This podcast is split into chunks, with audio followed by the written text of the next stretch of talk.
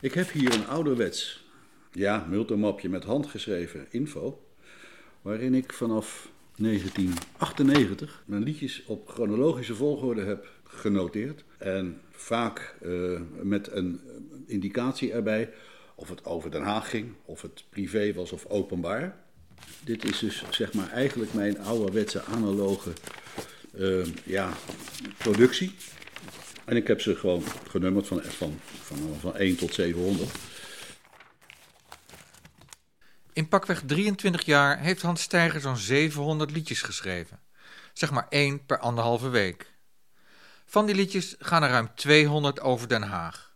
Over de stad, over instituten, over mensen, fictief en bestaand, en over bijzondere gelegenheden.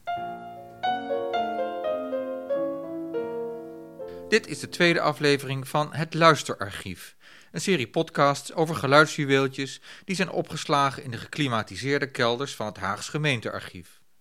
Daar liggen geluiden, gesprekken en liedjes, zoals die van Hans Steiger. In deze podcast hoor je hem en andere makers van Het Haagse Lied. Ik vertelde je al dat het grootste deel van mijn repertoire is in opdracht van. Eh, decennia lang hebben mensen mij gevraagd: wil jij iets schrijven voor een gebeurtenis of een jubileum of een eh, specifieke zaak? En ik heb uit al die songs, dus deze, heb ik er 210 gehaald uiteindelijk. Waarvan je kunt zeggen dat dat met Den Haag binding heeft. Als ik in 1998 begin met een programma maken over 750 jaar Den Haag, dan schrijf ik in vrij korte tijd tientallen nummers voor dat project. En daar begint het ook mee. Hans Steiger begint niet voor niets te tellen vanaf 1998. In dat jaar viert Den Haag zijn 750-jarig bestaan en heeft hij het gezelschap Haagse Kringen opgericht. Zijn vermoeden is dat er dat jaar veel behoefte zou zijn aan Haagse liederen en de uitvoering daarvan. Het wordt zijn finest hour en die van vier muzikale vrienden. Een aantal van die liederen belandt op de CD Haagse Kringen bezinkt Den Haag, zoals. 1,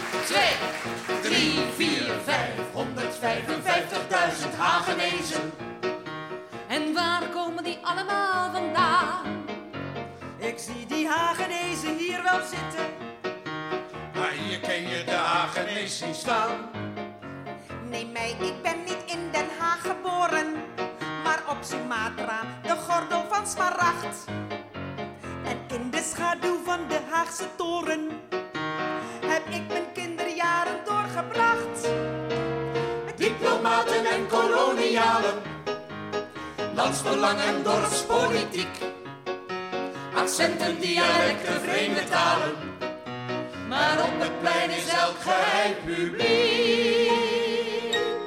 Den Haag stond altijd open voor wie van buiten kwamen, voormalig Nederlands-Indië natuurlijk Suriname. Een Hagenees is echt, Is echt, is echt, Is echt van alles wat. Daarom alleen al is Den Haag een wereldstad. Den Haag een wereldstad? Den Haag is een dorp. Een dorp. Een stad. Nee, geen stad. Den Haag is geen stad en wat erg is dat. En eigenlijk ligt het ook niet aan de zee. Zee, zee, maar een Hagenaar zit daar niet mee. Een Hagenaar zit daar niet mee. Iedereen die de geschiedenis leest, die weet dat Den Haag nooit een stad is geweest. Hoe dat gekomen is, weet hij dat niet? Luister naar ons lied. Zeven en een halve eeuw geleden kreeg Willem II een helder idee. De jacht en het reizen, het werd hem te veel. Hij bouwde een eigen kasteel. Graaf, Floris de vierde die ook wel eens kwam, die vond het er leuker dan Amsterdam. In plaats van de vijfde plek in het bos. de remmen gingen los. Binnen daar maakte hij dames het hof, maar op het toneel viel bij hij in het stof. Een dubbele sof, het zat hem niet mee. Adieu Den Haag. Maar het kan ook wat eh, Haagser. In het nummer Terrasleed.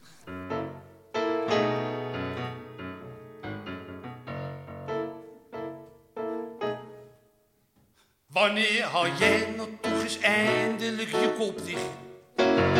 Dit duurt nog langer dan de lijnweg voor het stoplicht. En dan die was waarmee je uren staat te lullen. Met zijn gezicht kun je het Zuijenpark mee vullen. Ik loop nog sneller heen en weer over de laan van Middenvoort. Wanneer denk jij dat je me eindelijk eens hoort? Wanneer krijg jij nou eens een keertje in de smiezen? Door alle hoeren raak je zwaar in de verliezen. Het lijkt gewoon weg dat je niks van mij wil horen. Loop jij de hele dag met rubbers in je oren? Ik voel me ernstig ontregeld en gestuurd. Nog even, wanneer ben ik nou aan de beurt? En het kan ook andersom. Ik zal best nog wel een keertje, net als vroeger. Ah, wat sta ik me toch te dromen, hè? Want Den Haag is door de jaren zo veranderd. Voor mij part veel te vlug. Oh, absoluut veel te vlug. En dat ijspaleis aan het spui, moest dat er eigenlijk echt wel komen? Ja, dat twijfel ik dus, hè? Zo komt die ooievaar Op de Veverberg, dus never nooit meer terug. Deze deftige uitvoering maakt deel uit van een spannende medley. Ik heb die 10, 11, 12 liedjes van destijds toen zo geconstrueerd dat ik begon keurig met wat voor weer zou het zijn in Den Haag. Maar elke keer komt er een stukje oh oh, oh oh Den Haag, oh oh Den Haag, mooie stad. En elke keer wordt als iemand dreigt dat oh oh Den Haag liedje in te zetten, wordt die overgolfd door ho ho eerst ik met een ander nummer. En aan het eind, als de spanning muzikaal gesproken voldoende is opgebouwd, wordt oh Den Haag ingezet. En dat werkte als slot van ons optreden. We zetten, we zetten deze medley ook bijna altijd aan het eind van ons optreden. Mogen we nou eindelijk meezingen voor het publiek? Want OWO Den Haag werd in 1998 reeds beschouwd als het Haagse volkslied. Alleen, ik wilde kenbaar maken dat er waren er nog 72 anderen. Maar iedereen kende OWO Den Haag. Stad, achter de deuren. De schilderswerk, De schilderswerk, de lange boten, de lange boten en het plein. en het plein. Oh, oh, de Haag. Oh, Haag, ik zou met niemand willen ruilen. Nee, meteen gaan huilen, als ik geen Haagenees zou zijn. Ik hoor niks. Meteen gaan huilen, als ik geen Haagenees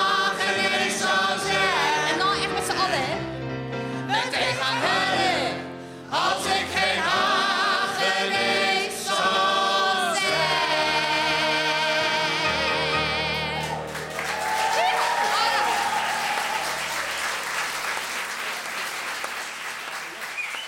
Het is dankzij het Haagse gemeentearchief dat ik achter het bestaan van Haagse kringen ben gekomen. Anders had ik dit never nooit gehoord. De cd's van Haagse kringen en Hans Steiger zijn niet in de reguliere handel gekomen. Al liggen sommige wel in de bibliotheek. Hans zegt nooit veel oog te hebben gehad voor archivering, publiciteit en dat soort zaken. Hoewel daar een belangrijke uitzondering op is. Dat is denk ik eh voorjaar op het Voorhout geweest. Dat eh, schreef ik in 1987, 88. Een speciaal verhaal. Het is ook het, het nummer dat uiteindelijk voor mij alle deuren heeft ontsloten. Ik schreef het liedje over het, het Joodse element in Den Haag. En wat was nou de aanleiding? In het theaterrestaurant waar wij elkaar allemaal van kenden, van, van toen al van kenden, in het theaterrestaurant Goldmoed, waar wij de, de starters waren, zal ik maar zeggen, zong Gab- Gaby Witteveen, de Indische mevrouw, ehm, als afsluitend hoogtepunt Amsterdam huilt. Een bloedstollend mooi lied. Maar als men dan in Den Haag dat lied had ge- gehoord, dan was het echt bladstil in de zaal. Ook al had men al zeven glazen eh, bier en twintig flessen wijn op.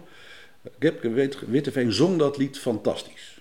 Maar op een gegeven moment kwam aan de orde twee aspecten.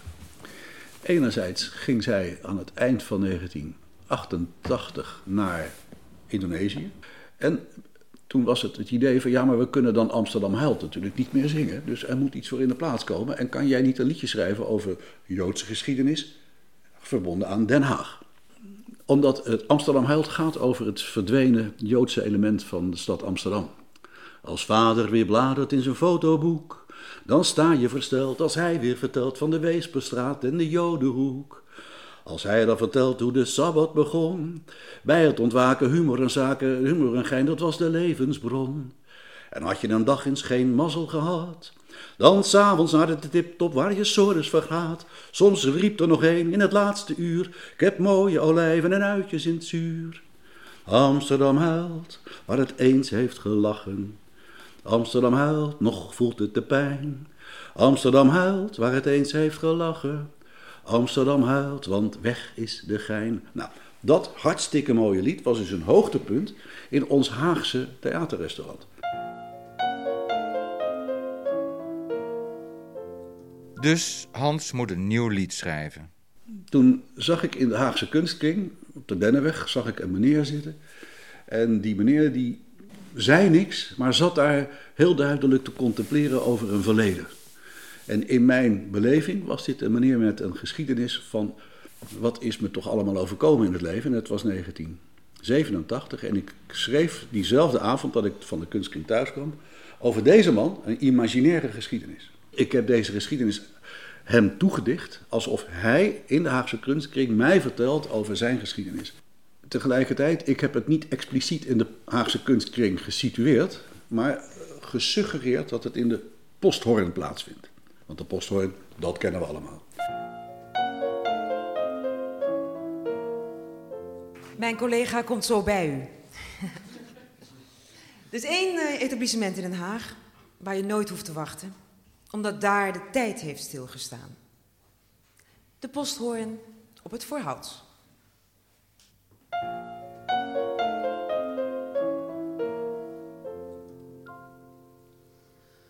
Voorzichtig schuifelt hij naar binnen stipt om half vier.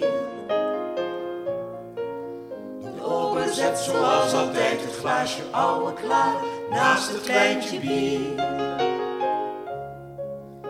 Doet zijn jas niet uit, oh nee, zijn hoed niet af, behalve voor een groet.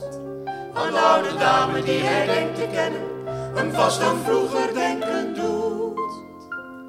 Het is zondagmiddag in Den Haag. Het is zondagmiddag op het voorhout. Het is half april en met wat goede wil lijkt het al met al niet meer zo koud. Ik schreef dat lied in een uur, in kladvorm. De drie coupletten vertellen het. Wat zou er met die man gebeurd zijn? Wat is zijn geschiedenis? Waarom kijkt hij zo bedroefd uit het raam? En dan is de wending aan het eind van een Carmicheltiaans karakter, namelijk... Als ik hem vraag naar het waarom, dan zegt hij met een zucht. Dat hij met vrouw en kind kort voor de oorlog kwam, naar Holland is gevlucht. Dan staat hij uit het raam met zijn gedachten bij een plek die ik niet ken. Pas toen hij onlangs overleden was, hoorde ik zijn achternaam. Cohen. En dat werd voor je op het voorhoud. Het is zondagmiddag in Den Haag. Het is zondagmiddag en het is koud. Het is half april en ook met goede wil is het opeens heel stil. Op het voorhout.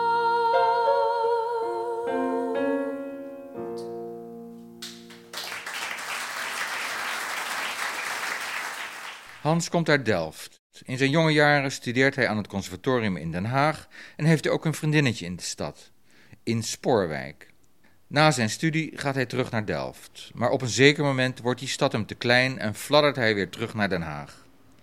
Hij werkt als pianist in galerie- en kunstenaarsvereniging Pulgri, waar hij ook achter de bar gaat werken en koken. De kunstenaarsvereniging blijkt een waardevolle plek voor Hans Steiger.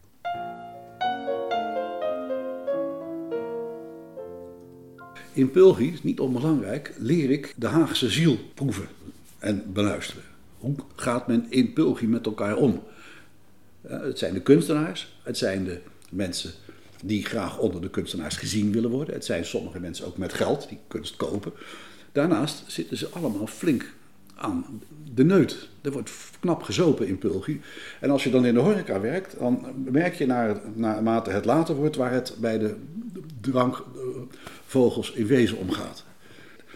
In Den Haag, eh, bij wie hoor je? Bij welke laag van de bevolking hoor je? Als je een kunstenaar bent, ben je Horst Concours. Hè? Dan ben je buiten alle regels. Maar aan de woorden die je kiest, aan de kleding die je draagt, aan de schoenen die je wel of niet poetst, kun je zien, ben je een van ons. Een beetje de huiskamer van de, van, van de, Hagen, van de Hagenaar, die zich te meer blootgeeft na het derde glas. Waar, waar het de Hagenaars om gaat, is uh, hoor je bij de stand waar je niet vandaan komt. Kan je een, een, een sociaal treetje hoger. Dan ik. Maar hoor ik nou dat jij daar in, in Den Haag maatschappelijk een treetje hoger kan komen? Ja, dat is, dat is gebeurd. Ik ben in zekere zin deel geworden van die culturele, bijna elitaire laag. Vanuit mijn werk en vanuit mijn opvatting en muziek maken en taal.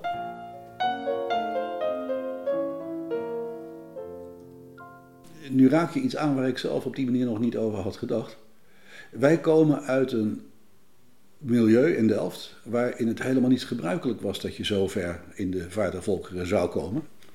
Met andere woorden, ontworstel je je uit een milieu waar het niet ehm, zo, zo, zo vanzelfsprekend was. Ja, klopt.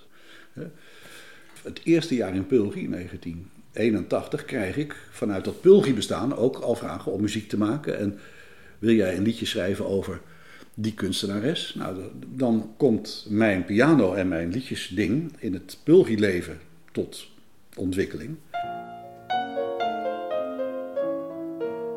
En zo bouwt Hans Steiger gestaag een collectie op van liedjes die hij op eigen initiatief maakt of die hij in opdracht maakt. Eind jaren 80 komt er echt schwung in als hij het jubileum van de Hoge Raad mag bezingen. En in 1995 krijgt hij ook het ministerie van Buitenlandse Zaken als klant. Ik geloof dat het was vanwege Vrouwendag op BZ. En men had mij gevraagd: wil jij een lied schrijven voor deze vier vrouwen die een lied willen maken en zingen over waarom krijgen wij vrouwen op het ministerie zo weinig uh, kansen om boven schaal dit of dat uit te komen. Toen heb ik een omgekeerde striptease geschreven. Kunnen wij de kleren krijgen? Dat was de titel van het nummer.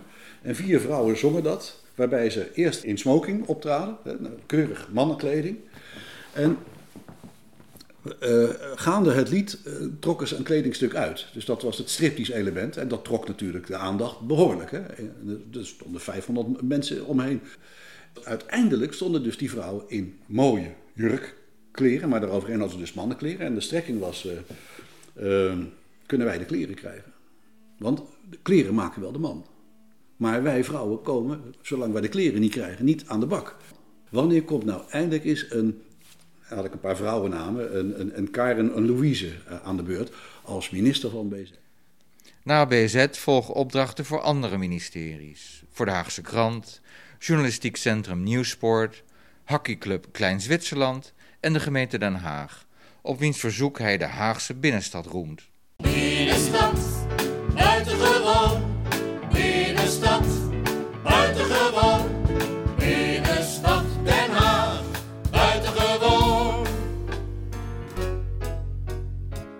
De winkelkern s'avonds mag best wat langer open, zodat je veilig achterom naar de Haagse bluff kunt lopen. Het winkelhart met kroonjuweel, de prachtige passage, met ruimte voor je auto in de Torenstraat garage. De Hoogstraat en Noordeinde aangenaam en artistiek. En bij het Gouden Hoofd uitzicht op het mozaïek. Winkels in Den Haag, de commerciële thematiek. De spuit gaat schoon voor jou en mij, voor het winkelend publiek. Hoewel de gemeente een opdrachtgever is, durft Steiger in 2004 in zijn tramtunnelballade de draak te steken met dit door tegenslagen en budgetoverschrijdingen geteisterde project, dat in Net Haags het Souterrain heet. Maar in plaats van de tramtunnel wordt het door een waterlek ook wel de zwemtunnel genoemd, die bevolkt wordt door tramguppies. Dat was een cartoonserie in de Haagse krant.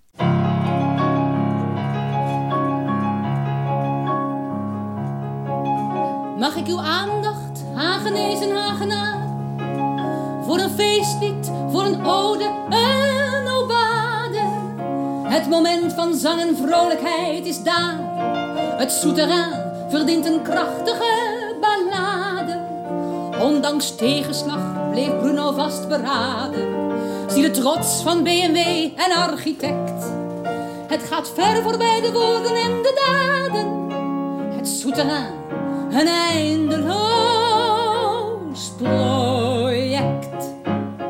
Voor Hagenees en Hagenaar. Hij is klaar na zeven jaar. Iedereen een blije rijer, want hij kostte maar een meijer.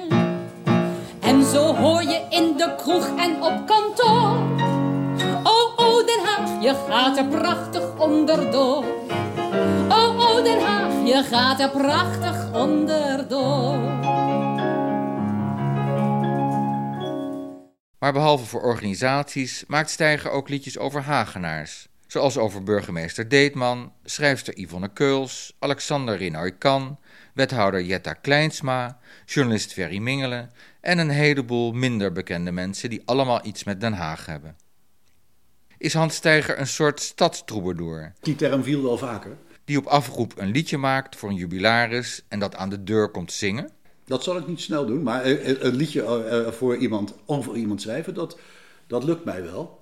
Maar dan gaat het verder dan het cliché. Ik wil wel achter de komma. Ik wil wel in de keuken hebben gekeken. Dan hoef ik de keukeninrichting niet te beschrijven, maar ik heb er baat bij om ook de minder mooie kanten te kennen, zodat ik eraan kan refereren. Op een beetje ironie en op een, noem het maar, chique manier. Als ik een portret te maken heb, ga ik met minstens twee, maar liever met meer mensen praten. De meeste liedjes die ik over iemand schrijf, daar komt dan daarna een band uit voort dat ze over vijf jaar of tien jaar, je hebt toen en toen dat en dat, zo weer dat nog eens een keer komen doen. Of op de begrafenis iets komen, komen zingen over de man en vrouw in kwestie. Dat is gebeurd. Diverse malen.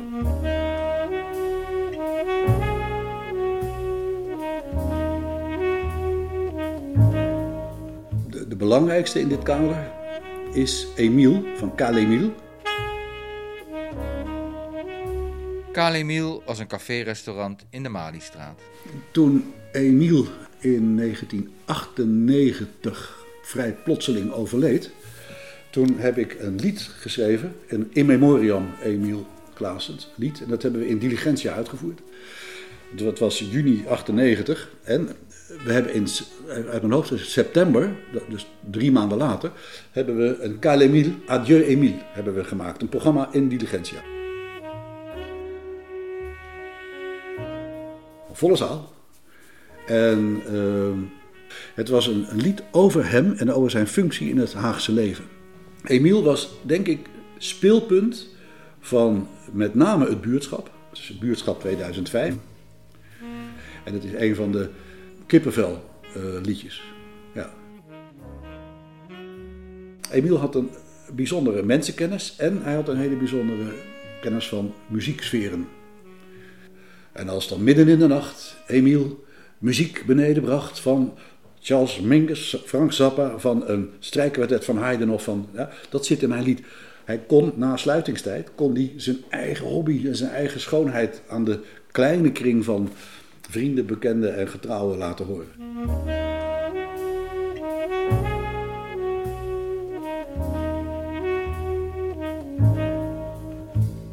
Wat is het mooiste lied over Den Haag wat je nog niet hebt gemaakt? wat ik nog niet heb gemaakt. Dat is waarschijnlijk het lied, een terugbliklied. Wat heeft die stad door de jaren heen niet allemaal voor mij betekend? Wat heeft die stad me niet allemaal gebracht? Ik ben je nu de tekst aan het schrijven. Nou ja, nee, zo, zo, zo, zo denk ik hardop. Wat heeft die stad niet allemaal met zich meegebracht? De mensen, de kleuren, de sferen. De stad heeft me, ja, hoe je het ook bekijkt, zo ontiegelijk verrijkt.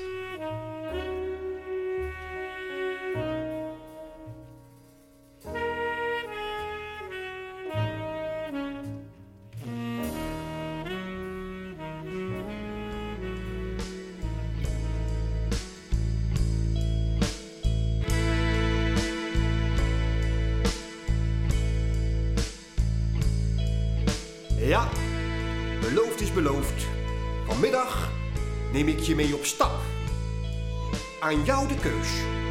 Eerst een wandeling over de boulevard en daarna een sorbet eten op het Koerhuisterras. Of een uitstapje naar de Bataaf?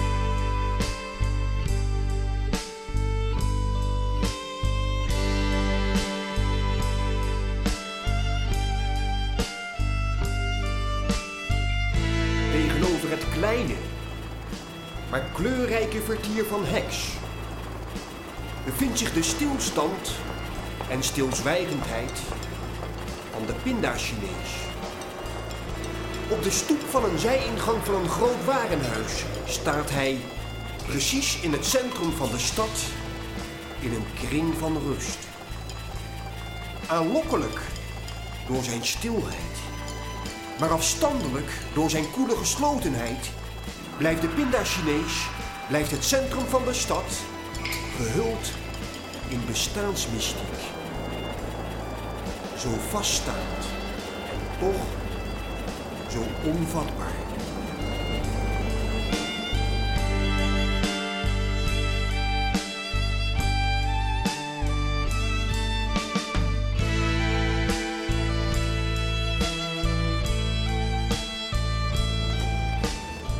De Laan van Meerdervoort is een streek door de stad.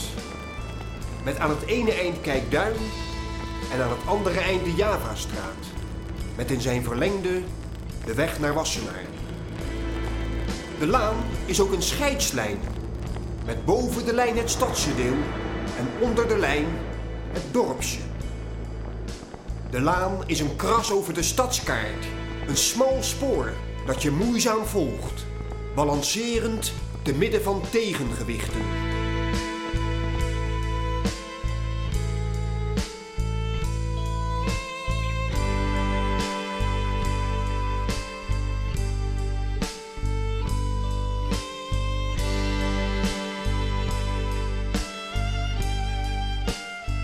Cor Goud heeft een prachtig nummer over lunchroom Hex gemaakt aan het spui. Hij beschrijft zijn herinneringen hoe hij met zijn vader daar naartoe ging en hoe ze daar zaten aan de, aan de, aan de thee en een taartje. En eh, wat voor publiek daar zat. Keurige Haagse dametjes met een uh, schoothondje uh, die dan een lepeltje van het gebak kregen. Terwijl er een mooie Duitse orkestmuziek aan het spelen was. Je kan meteen indenken hoe die sfeer daar was. Hij zingt ook over de pinda-Chinees die daar aan de overkant uh, vaak uh, bij, de, bij de dienstingang van de, van de, VND stond. En uh, prachtige beschrijvingen van fenomenen die, de, die Den Haag heeft gekend. Ook over de Haagse dierentuin, ook eigenlijk net iets van voor mijn tijd. Een aardig beeld van hoe die wereld toen was. Het Scala Theater, wat, wat vanwege een of ander lullig parkeerplaatsje voor de bijenkorf moest wijken. En, waar uh, allerlei beroemde artiesten hebben opgetreden. Wat dat betreft heeft Cor Goud ook wel heel wat uh, vastgelegd. Aan jou de keus. Eerst een wandeling over de boulevard en daarna een sorbet eten op het Koerhuisterras. Of een uitstapje naar de Bataaf. Of de stad in en even binnenwippen bij Hexio. De vader van de jongen nam zijn zoon vaak mee naar Lunchroom in het centrum van Den Haag. Een paradijs voor Jan en alleman, een droomkasteel, een bonte wondere wereld in de zalen op het toneel.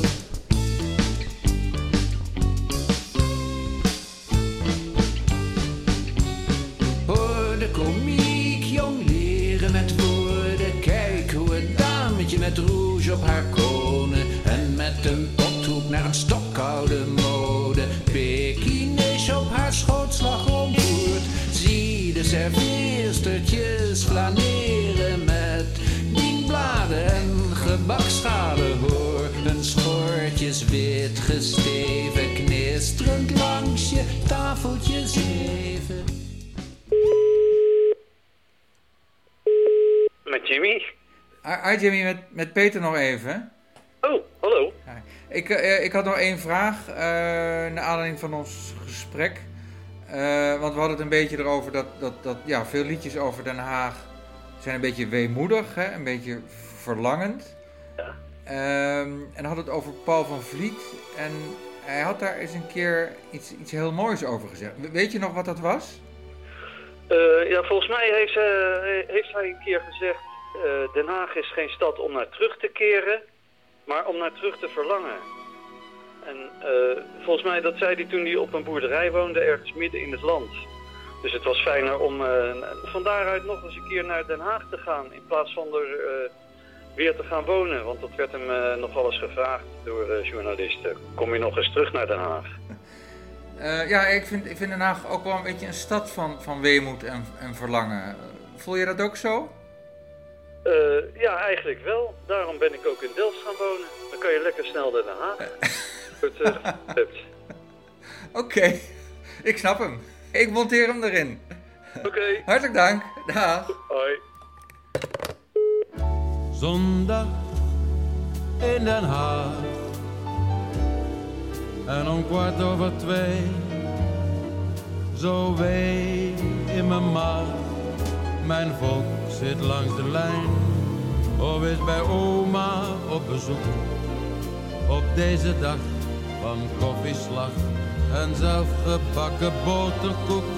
Ik zou vanavond willen spelen, ik heb zoveel om uit te delen. Maar de schouwburg zit op slot vandaag. Zondag in Den Haag. Ik slenter door de binnenstad en in het late avondlicht kom ik jou tegen en ik denk, wat heb jij een lief gezicht. Jij kijkt me aan en ik blijf staan. Jij kijkt om en ik kijk om. En eindelijk ga ik begrijpen van het hoe en het waarom. Ik wist dat het bestond, maar ik had het zelf nog nooit ontmoet. De mist trok op vanuit mijn kop, een nieuw gevoel ging door mijn bloed. Lang gewacht en stilgezwegen, toch gekregen, nooit gedacht. En ik dank je voor de lieve warmte van een lange lieve nacht. Maandag in Den Haag. En ik heb van geluk nu een stuk in mijn kraag. De bomen op verhaal staan zo vrolijk in het groen. Dat komt door jou en ik zal voor jou vandaag iets ongelooflijks doen. Ik zal de kroonjuwelen stelen, de sterren van de hemel spelen. Zondag was een omdag, maar tussen gisteren en vandaag, daar ligt een wereld tussen, van twee hoofden op één kussen, tussen zon en maandag in Den Haag.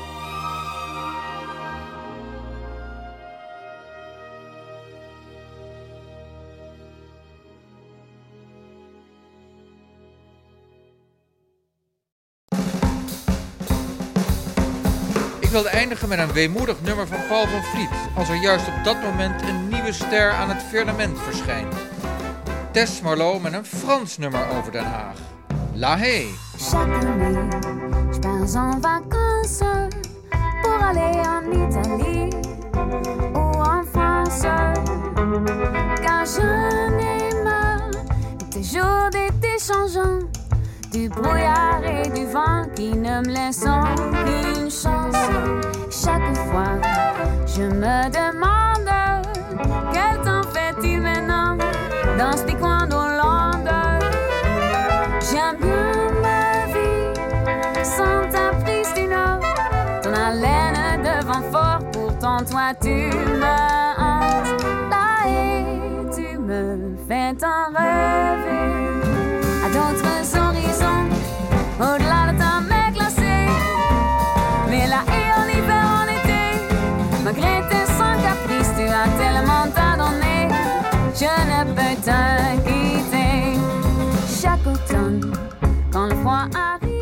Marlowe, het is een, uh, een zomerdag in Den Haag, maar, maar niet het soort zomer dat je zou wensen. Nee, niet helemaal. Nee. Het is een beetje grijs. Het is uh, een, beetje, een beetje triestig. Maar ja, dat, eigenlijk maakt mij dat niet zo heel veel uit hoor. Maar, maar het is wel ook waar dat liedje van jou over gaat. Ja, klopt. Ja, ja en dat, het is natuurlijk heel vaak zo in Den Haag, natuurlijk ook in Nederland, maar ik ben natuurlijk gewoon een Hagenaar. eh, dat het hier in de zomer of in de lente, als je eigenlijk verwacht dat het fantastisch lekker weer is, dat het eigenlijk met bakken uit de hemel komt. Of een onweers, ene onweersbui na de ander. eh, of dat het gewoon de hele dag een beetje grauw is. Eh, ja, dat, dat hoort een beetje bij de stad. En dat is toch vaak wel een beetje hoe de lentes en de zomers er hier uitzien. Dus ik heb ook heel erg vaak, ehm, ben, ik het, ben ik een beetje klaar met Den Haag. En zodra ik dan dus vertrek, dan denk ik, ik wil eigenlijk weer terug.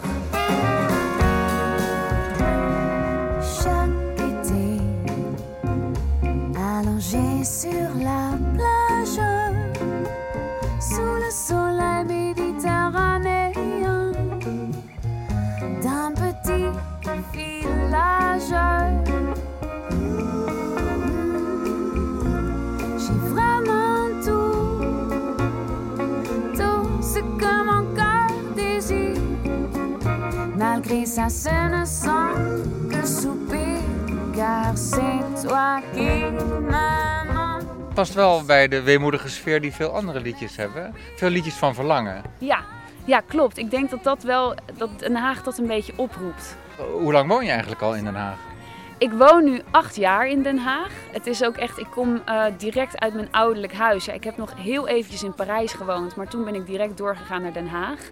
En ik weet nog in het begin, ik kwam hier en toen dacht ik, jemig wat ruw en rauw en hard allemaal. En ik was echt een beetje een naïef poldermeisje en ik kwam hier huppelend eh, aan. En toen merkte ik toch, oh, er is wel iets van een Haagse mentaliteit, een Haagse bluff die ik helemaal niet had. Ehm, maar dat is door de jaren heen is dat gegroeid. En nu kan ik me nergens anders thuis voelen dan hier.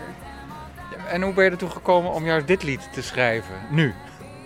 Nou, het, het, het had er, heeft ermee te maken. Ik heb eh, anderhalf jaar geleden heb ik het nummer Wat voor weer zou het zijn in Den Haag heb ik vertaald naar het Frans.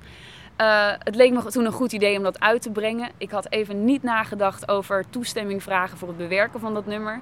Dus eh, dat moest ik helaas eh, offline halen vanwege een rechtenkwestie. En toen dacht ik, nou, dan wil ik mijn eigen liedje schrijven over Den Haag. Over hoe ik het zie, over hoe ik het voel. En ehm, ja, dat wil ik, dan wil ik wel graag dat het een zomers liedje is. Dus dat in ieder geval doet, doet denken aan de zomer. En dat is toen uiteindelijk dan Lae geworden. Er zit wel een hele subtiele verwijzing in het lied, hè? Want op een gegeven moment zing je ook voor wat voor weer zou het zijn in Den Haag of iets dergelijks. Ja, ja, dat inderdaad. Et chaque fois je me demande quel temps fait-il maintenant dans ce petit coin d'Hollande. Ja, dus elke keer vraag ik me af, wat voor weer zou het nou zijn in Den Haag? Ja, dat is wel een subtiele verwijzing uiteraard. Want jij schrijft dat zelf? Ja, ik schrijf het zelf. Ik kom in ieder geval zelf met het hele concept voor de, voor de tekst. En ehm, nou, ik moet eerlijk zeggen dat mijn Frans is niet feilloos en perfect. Dus ik ga dan naar mijn, mijn tekstcoach, die woont in het bezuiden hout, Sylvain Lelarge. En met hem ga ik dan krassen in de tekst en kijken van oké, dit, dit werkt niet helemaal, dit kan eigenlijk niet. En hij is ook waanzinnig in het doen rijmen van woorden. Dus ik geef altijd een voorzet, die rijmen vaak ook altijd wel, maar zijn dan misschien taaltechnisch niet helemaal goed. En, eh, en hij komt dan met een beter alternatief. Dus zo komen die liedjes tot stand. Je hebt gevraagd of dit uh, gesprek kon plaatsvinden op deze plek. Waar zijn we? Ja, we staan hier voor het Vredespaleis. En de reden dat dit een van mijn favoriete plekken in Den Haag is, zal waarschijnlijk wat, uh, wat wenkbrauwen doen optrekken. Ik ben namelijk een ontzettend Disney-meisje. Ik heb dus ook een half jaar lang in Disneyland Parijs gewerkt. En elke keer als ik hier langs rijd, en vooral s'avonds, dan waan ik me even in Den Haag in zo'n sprookjeswereld. En dat vind ik een van de mooiste dingen in Den Haag. Den Haag is rauw en Den Haag is hard, maar Den Haag heeft ook iets zachts en sprookjesachtigs. En dat ervaar ik altijd hier als ik langs fiets of langs rij bij het Vredespaleis. Ja, en daar kunnen natuurlijk, je kan natuurlijk van alles zeggen over de stad van vrede en recht, maar dit is eigenlijk stiekem mijn reden nummer één dat we hier nu staan. Want hoe ben je corona doorgekomen? Nou, ik ben corona eigenlijk best wel goed doorgekomen. Um, ja, goed, dat is natuurlijk heel erg relatief. Maar wij hebben in die, die coronaperiode, tijdens de lockdown, zijn wij, konden wij nog net de studio in. Dus hebben we dat debuutalbum opgenomen. En zo heb ik me in die, maanden tijd heb ik me een beetje kunnen uh, vastbijten in het, ja, in het uitbrengen van singles en het uitbrengen van mijn muziek. En dat werkte eigenlijk ontzettend goed. Ik kon me daar volledig uh, op focussen. Wel, wel toevallig dat het liedje uitkomt uh, tijdens de Tour de France, maar dat is volgens mij gepland. Ja, dat is wel gepland. Ik dacht, er moet een liedje uitkomen voor de Tour de France. Dat mensen, mensen worden gewoon tijdens de Tour de France toch weer wat, wat Frans minnender of zo. Ze, ze willen liever, ja, ze houden ervan om Franstalige muziek te horen. Het is zo'n beetje net voor de vakantie. En ik merk ook gewoon aan de radio dat ze er veel meer voor openstaan. Dus de, de question de jambon is? Wat voor weer zou het zijn in Den Haag? Nee, ben je al gedraaid? ja, zeker. Ja. Bij Radio Tour de Ja, France? zeker. Vandaag zelfs twee keer. Had ik nog een laatste vraag of was dit de laatste vraag? heb, ik nog, heb ik nog iets moeten vragen? Even kijken. Geen idee. Dus ik weet al wat ik wilde vragen. Kun je exclusief voor de luisteraars naar deze podcast het refrein van La Hey a cappella zingen hier tegenover het Vredespaleis? Ja, dat kan best. Moet ik even. la la la la. Ja, oké. Là et tu me fais tant rêver à d'autres horizons, au-delà de ta mer glacée. Mais là et en hiver, en été, malgré tes sans caprices, tu as tellement à donner, je ne peux te quitter. Voilà.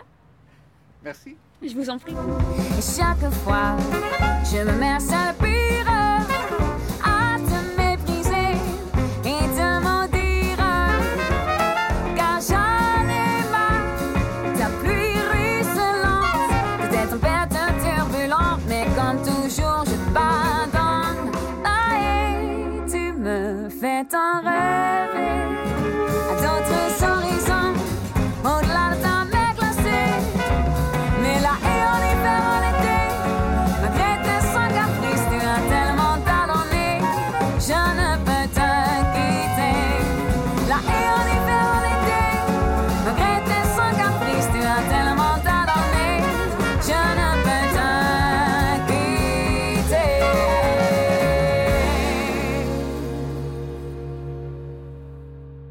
zie je graag terug bij deel 3 van het Luisterarchief. Dat gaat over de vermaarde Haagse fotograaf Simon Smit, die van voor de Tweede Wereldoorlog tot na de millenniumwisseling Den Haag en de Hagenaars in beeld heeft gebracht. Ook Juliana en Bernard als pasverloofden op de fiets. En heb ik in de Molenstraat bij een fietsenwinkel heb ik een tandem gehuurd. En die had ik voor twee kwartjes, een half uur, had ik die tandem. Nou, dus ik moest, nou, ze hadden daar rondgereden, dus ik moest die tandem weer terug hebben. Ik zei Koninklijk Hooguit, ik zei, ik moet die tandem weer terug hebben. Zit die terug hebben? Ik zei, ja, ik zei, ik heb hem gehuurd.